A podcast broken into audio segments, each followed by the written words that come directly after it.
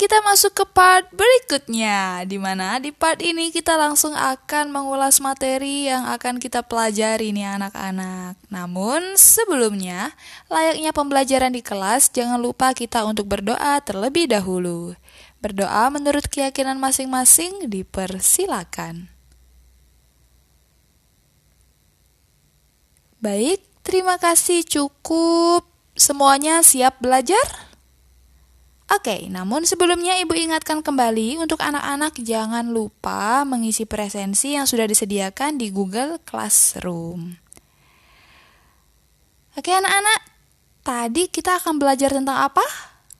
Ya, betul, tentang bangun datar khususnya subbab segi empat. Anak-anak harap perhatikan podcast ini karena nanti di bagian dari sesi podcast, Ibu akan memberikan pertanyaan yang itu harus langsung dijawab.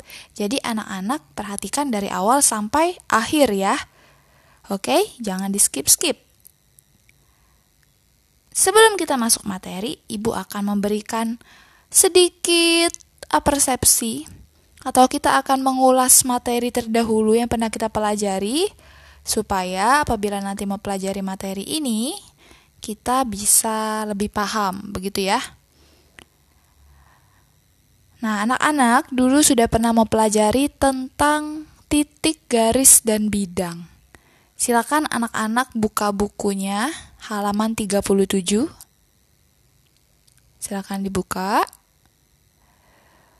Perlu diingat kembali anak-anak bahwa sebuah bangun datar itu pasti tersusun dari titik, garis, dan bidang. Kita ingat kembali untuk titik. Titik itu hanya dapat ditentukan letaknya, tidak mempunyai panjang dan lebar. Digambarkan dengan memakai tanda nokta. Bisa dilihat ya di situ gambarnya. Pemberian nama sebuah titik adalah dengan menggunakan huruf kapital. Misal titik A, titik B, titik C, dan sebagainya. Dilihat ya contohnya anak-anak. Terus garis. Nah, garis lurus dengan dua tanda. Kita lihat itu ada tanda panahnya ya di setiap ujungnya. Itu panjangnya dia tidak terbatas atau tidak mempunyai pangkal dan ujung. Merupakan kumpulan titik-titik yang jumlahnya tidak ternilai dan terletak pada garis yang sama, dinotasikan dengan huruf kecil, misalnya garis K, garis L, garis M, dan sebagainya. Nah, dia itu anak-anak, jadi kalau garis itu dia garis panjang, dia nggak ada ujung, nggak ada pangkal, ya, nggak ada batasan. Nah, bagian dari garis ini ada dua anak-anak. Yang pertama, sinar garis, yang kedua, ruas garis. Bedanya apa, Bu? Kalau sinar garis itu merupakan bagian garis yang memiliki pangkal tapi tidak memiliki ujung. Diperhatikan coba halaman 39. Jadi sinar garis itu mempunyai pangkal tapi dia tidak punya ujung. Ya, jadi dia panjang sebelah, panjang sebelahnya. Kalau ruas garis, Bu, nah merupakan bagian dari garis yang memiliki pangkal dan memiliki ujung atau memiliki batas. Contoh ruas garis adalah seperti sisi pada bangun datar. Nah, ini akan kita pelajari nanti. Oke, jadi dia punya batasan, panjangnya sekian. Itu namanya ruas garis. Berikutnya masuk ke bidang datar. Bidang datar itu suatu daerah yang panjang dan lebarnya memiliki luas yang tak terbatas. Jadi bidang kayak lapangan gitu ya, terus dia tapi permukaannya itu, itu namanya bidang. Tapi dia nggak ada batasan. Seperti itu ya. Oke anak-anak kita masuk ke bagian inti. Untuk materi ini, tadi kan sudah kita e, mengingat kembali ya tentang titik, garis, dan juga bidang. Pada materi yang sekarang kita pelajari adalah tentang segi empat, di mana bangun segi empat itu dibentuk oleh empat ruas garis. Nah, belajar tentang subbab bangun datar segi empat ini banyak sekali nih anak-anak memberikan manfaat bagi kita di kehidupan sehari-hari. Nah, apabila anak-anak ingin menjadi seorang guru, pendidik, atau menjadi ahli matematika, wajib untuk menguasai materi ini. Karena nanti salah satu yang diberikan kepada siswanya nanti materi ini. Ya, begitu ya. Jadi jangan lelah untuk terus belajar, oke? Okay? Nah, untuk tujuannya Pembelajaran kali ini, Ibu harapkan anak-anak dapat mengenal dan memahami jenis dan sifat bangun datar segi empat. Nanti jenis-jenisnya ada persegi, persegi panjang, belah ketupat, jajar genjang, trapesium, layang-layang. Serta anak-anak itu dapat memberikan contoh benda-benda yang dia berbentuk segi empat dalam kehidupan sehari-hari. Banyak ya.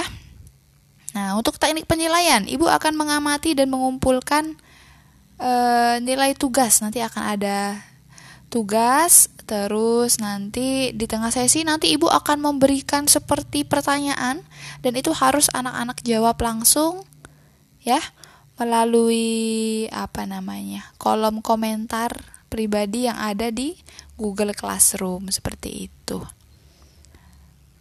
Makanya diperhatikan.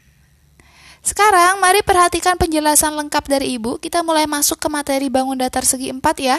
Bukunya silakan dibuka di halaman 70.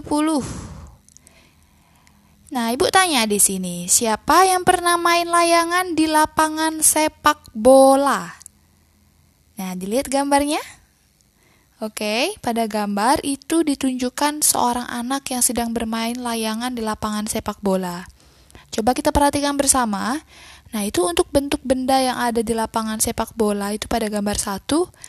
Ada apa saja? Coba sebutkan. Ada layangan, ada gawang sepak bola, terus ada dinding rumah, oke, okay?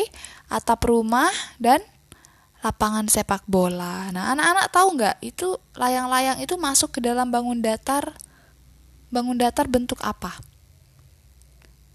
Betul, bangun datar yang Sisinya ada empat, bangun datar segi empat. Begitu juga dengan gawang, dinding rumah, atap rumah, dan layak maaf lapangan sepak bola. Tepi gawang, anak-anak ya, tepi gawang itu coba perhatikan, itu dia berbentuk trapesium. Jari eh, jaring-jaringnya itu berbentuk persegi ya. Lapangan bola persegi panjang. Sama halnya dengan layang-layang, trapesium, persegi, dan persegi panjang itu juga masuk ke dalam bangun datar segi empat. Oke, selanjutnya pada gambar dua nih, perhatikan. Bu, apa bedanya dengan yang tadi? Nah, kalau di gambar dua ini merupakan benda yang berbentuk segitiga. Sering kita jumpai juga ya. Sehingga bisa kita tarik kesimpulan anak-anak kalau segi empat itu adalah suatu segi banyak yang memiliki empat sisi dan empat sudut. Empat ya jumlahnya. Sedangkan segitiga terdiri dari tiga sisi, oke, okay, dan tiga sudut. Nah, tapi di pembahasan podcast kali ini, Ibu tidak akan mengulas tentang segitiga detail ya, hanya definisi dan contohnya saja. Kita harus lebih fokus atau kita akan terfokus pada segi empat dahulu. Sekarang, mari lanjut ke halaman 71. Baik anak-anak, perhatikan Nah, di sini Ibu akan mencoba menjelaskan ya. Anak-anak sambil memperhatikan gambar, di sini ada macam-macam bangun datar segi empat. Bangun datar segi empat ya. Ada enam jenisnya. Yang pertama kita masuk ke persegi. Persegi mulai dari definisinya anak-anak. Persegi itu adalah bangun datar yang dibentuk oleh empat sisi sama panjang ya dan mempunyai empat titik sudut dan sudutnya itu berbentuk siku-siku. Persegi juga disebut bujur sangkar. Nama lainnya bujur sangkar. Anak-anak apabila nanti mau mencatat silakan ya. Soalnya ada yang Ibu jelaskan tapi tidak ada di buku. Sifat persegi yaitu mempunyai yang pertama empat sisi sama panjang. Jadi ciri utama persegi itu dia sisinya sama panjangnya semua ya. Yang namanya sisi yang mana bu? AB, BC, CD, AD itu sisi dan panjangnya sama. Dan juga memiliki empat sudut sama besar. Sudutnya coba dilihat sudut A atau titik sudut A itu sudut B, sudut C, sudut D. Nah, itu dia ukurannya berapa? 90 derajat. Atau biasa disebut dengan sudut siku-siku ya. Dan juga persegi itu memiliki empat simetri lipat. Simetri lipat itu apa, Bu? Nah, simetri lipat itu anak-anak adalah jumlah lipatan yang dapat dibentuk oleh suatu bangun datar menjadi dua bagian sama besar. Misalkan kertasnya anak-anak lipat, tapi dia nanti dia akan menjadi dua bagian yang sama. Nah, itu tandanya dia memiliki simetri lipat. Nah, simetri lipat dari persegi ini yang mana, Bu? Contohnya AC, BD, EG, dan FH itu apabila dilipat itu ya. Coba diimajinasikan. Yang D sekarang memiliki empat simetri putar. Nah, bedanya simetri putar adalah banyak putaran yang dihasilkan bangun datar apabila diputar kurang dari satu putaran untuk menghasilkan bangun dengan bentuk semula. Bu, ini kenapa kok dia empat simetri putar ya? Karena kalau dia diputar eh,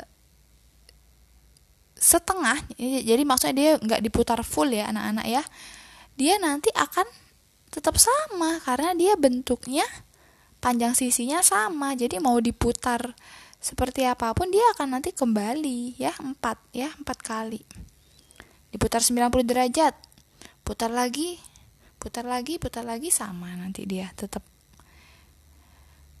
Terus memiliki dua diagonal yang berpotongan membentuk sudut siku-siku. Nah, itu diagonalnya diagonal AC dan BD. Diagonal itu adalah garis yang ditarik dari suatu titik sudut terhadap titik sudut yang saling berhadapan sehingga selalu melintang. Jadi yang tengah itu ya. Perhatikan diagonal. Dan yang terakhir sifatnya dua diagonalnya berpotongan dan membagi dua sama panjang. Ibaratnya kalau kue anak-anak itu kalau dipotong melintang, ukuran kuenya sama. Itu persegi ya. Oke, paham ya? Berikutnya kita masuk ke persegi panjang. Persegi panjang, lihat gambarnya. Agak berbeda dari persegi. Nah, persegi panjang adalah sebuah bangun datar yang memiliki sisi berhadapan sama panjang dan punya empat buah titik sudut yang sudutnya itu berbentuk siku-siku. Sifat persegi panjang yang pertama mempunyai empat sisi, namun dia tidak sama panjang semua, tapi dua pasang sama panjang ya, AB sama dengan CD, AD sama dengan BC.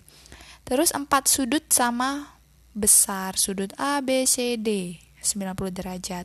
Terus dua simetri lipat, perhatikan simetri lipatnya ED dan FH dua simetri putar, dua diagonal yang membagi dua sama panjang, diagonal AC dan BD.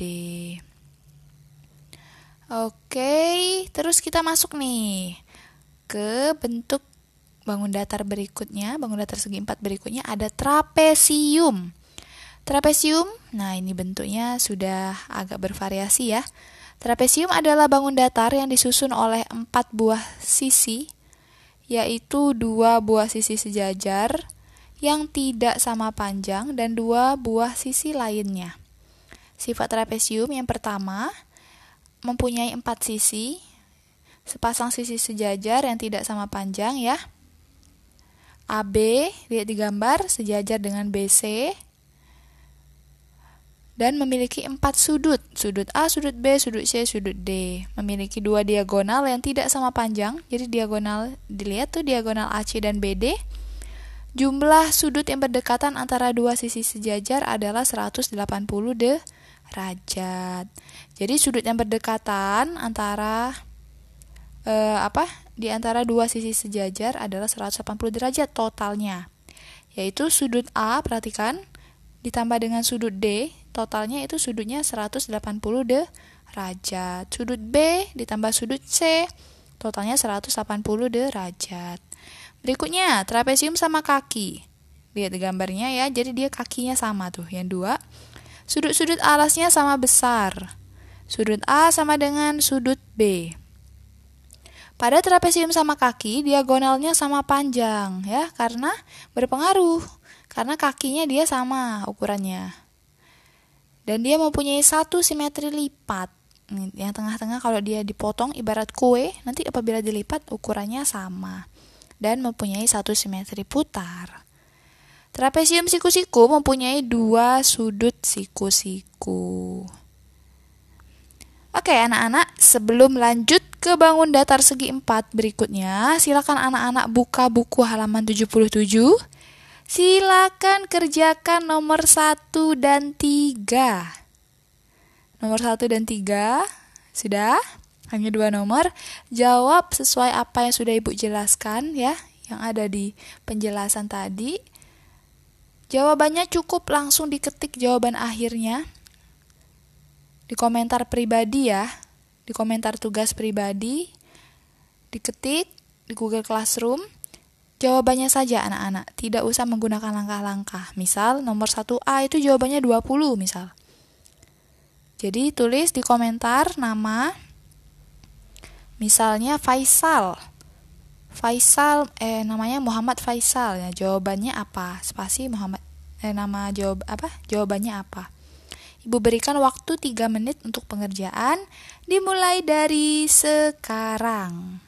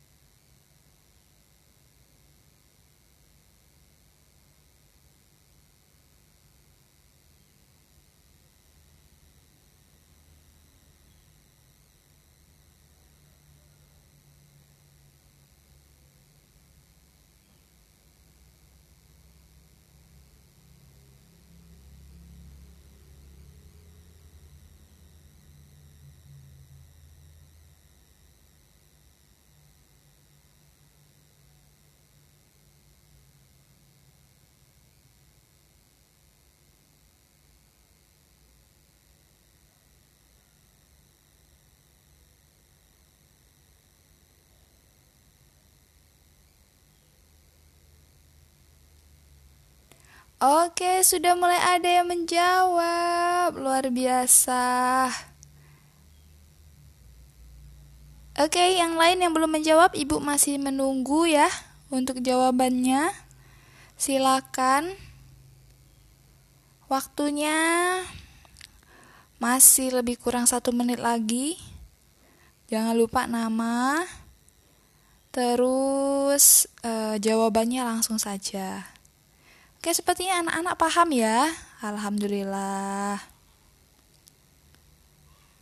Oke, oke, Ibu tunggu, Ibu tunggu, tenang.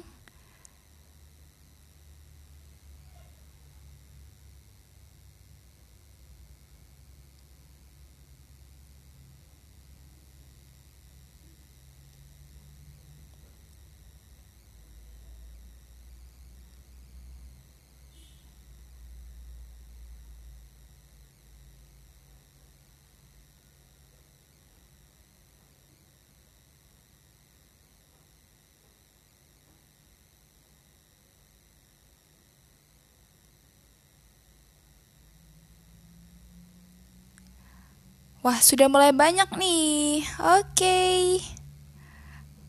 Sip. Oke, jadi anak-anak paham ya. Oke, waktunya habis anak-anak. Luar biasa. Ini sudah Ibu terima jawabannya ya. Sekarang kita lanjutkan pembahasan materi. Yuk, kembali disimak. Untuk yang berikutnya ada bangun datar jajar genjang nih. Jajar genjang itu apa? Silahkan diperhatikan bukunya kembali. Jajar genjang adalah bangun datar yang tersusun oleh dua pasang sisi sama panjang dan sejajar, serta mempunyai dua pasang sudut sama besar. Pasangan sudut lancip dan pasangan sudut tumpul. Sifat jajar genjang yaitu mempunyai A empat sisi, itu pasti ya. Dua pasang sisi sama panjang dan sejajar. Coba diperhatikan. AB itu sama dengan CD, AD sama dengan BC.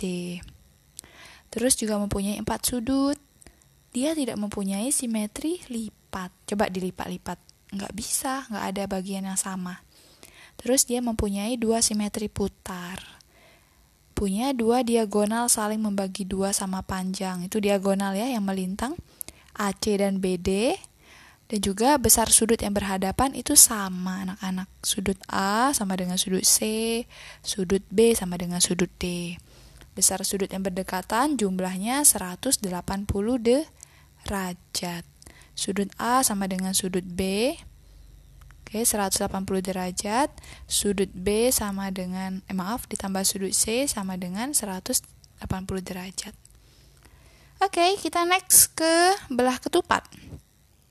Belah ketupat adalah bangun datar yang dibentuk oleh empat buah sisi sama panjang, punya dua pasang sudut, bukan siku-siku, dengan sudut yang saling berhadapan, besarnya sama. Sifat belah ketupat yang pertama, punya empat sisi sama panjang, jelas ya. Terus punya empat sudut, iya. Punya dua simetri lipat, punya dua simetri putar. Nah, itu perhatikan, coba tentukan yang mana simetri putar, yang mana simetri lipat. Dia juga punya dua diagonal yang tidak sama panjang, tetapi saling berpotongan tegak lurus dan membagi dua sama panjang. AC dan BD ya, itu diagonal namanya. Sudut yang berhadapan sama besar, sudut A sama dengan sudut C, sudut B sama dengan sudut D. Sudut yang bersebelahan jumlahnya 180 derajat. Sudut A ditambah sudut B 180 derajat. Sudut B tambah sudut C 180 derajat. Nah, ini yang agak mirip nih dengan belah ketupat ada layang-layang. Layang-layang itu bangun datar yang dibentuk oleh dua pasang sisi sama panjang membentuk sudut yang berbeda. Sifat layang-layang yaitu ini, empat sisi. Oke, jadi dua pasang ya sama panjang AB sama dengan BC, AD sama dengan CD. Nah, dia punya empat sudut nih anak-anak. Iya, sudut A, mm -mm, pinter, B, C, D. Satu simetri lipat, satu simetri putar, dua diagonal yang berpotongan tegak lurus. Oke, materi yang kita pelajari uh, untuk bangun datar segi empat untuk sifat-sifatnya, jenis-jenisnya anak-anak sudah jelas ya. Anak-anak harus dapat membedakan mana yang persegi, mana persegi panjang. Ya, mana jajar genjang, trapesium, layang-layang, belah ketupat. Oke? Nah, apabila anak-anak ada yang bingung, yang belum dipahami, bisa langsung tanyakan ke Bu Avon via WhatsApp. Oke anak-anak, dari materi pembelajaran yang sudah Ibu jelaskan, sebagai penugasan Ibu minta anak-anak semua silakan tuliskan kesimpulan dari pembelajaran kita hari ini dan anak-anak sebutkan juga lima benda dalam kehidupan atau yang ada di sekitar anak-anak yang merupakan bangun datar segi empat ya. Harus beda ya. Nggak boleh semuanya persegi nggak boleh semuanya persegi panjang. Harus campur. Yang ini bentuknya belah ketupat yang ini bentuknya apa gitu ya.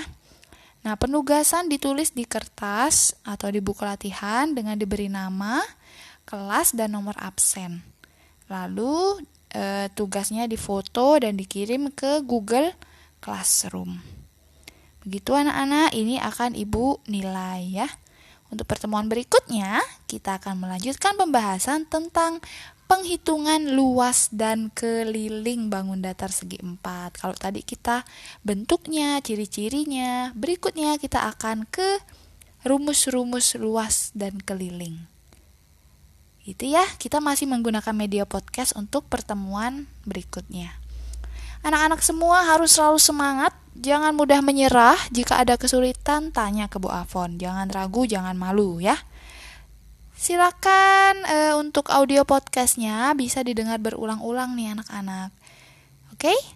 Sampai di sini dulu pembelajaran kita. Terus semangat, jangan putus asa. Mari kita tutup dengan berdoa menurut keyakinan masing-masing. Berdoa dipersilakan. Cukup anak-anak. Eh, terima kasih atas perhatiannya. Wassalamualaikum warahmatullahi wabarakatuh. Dah.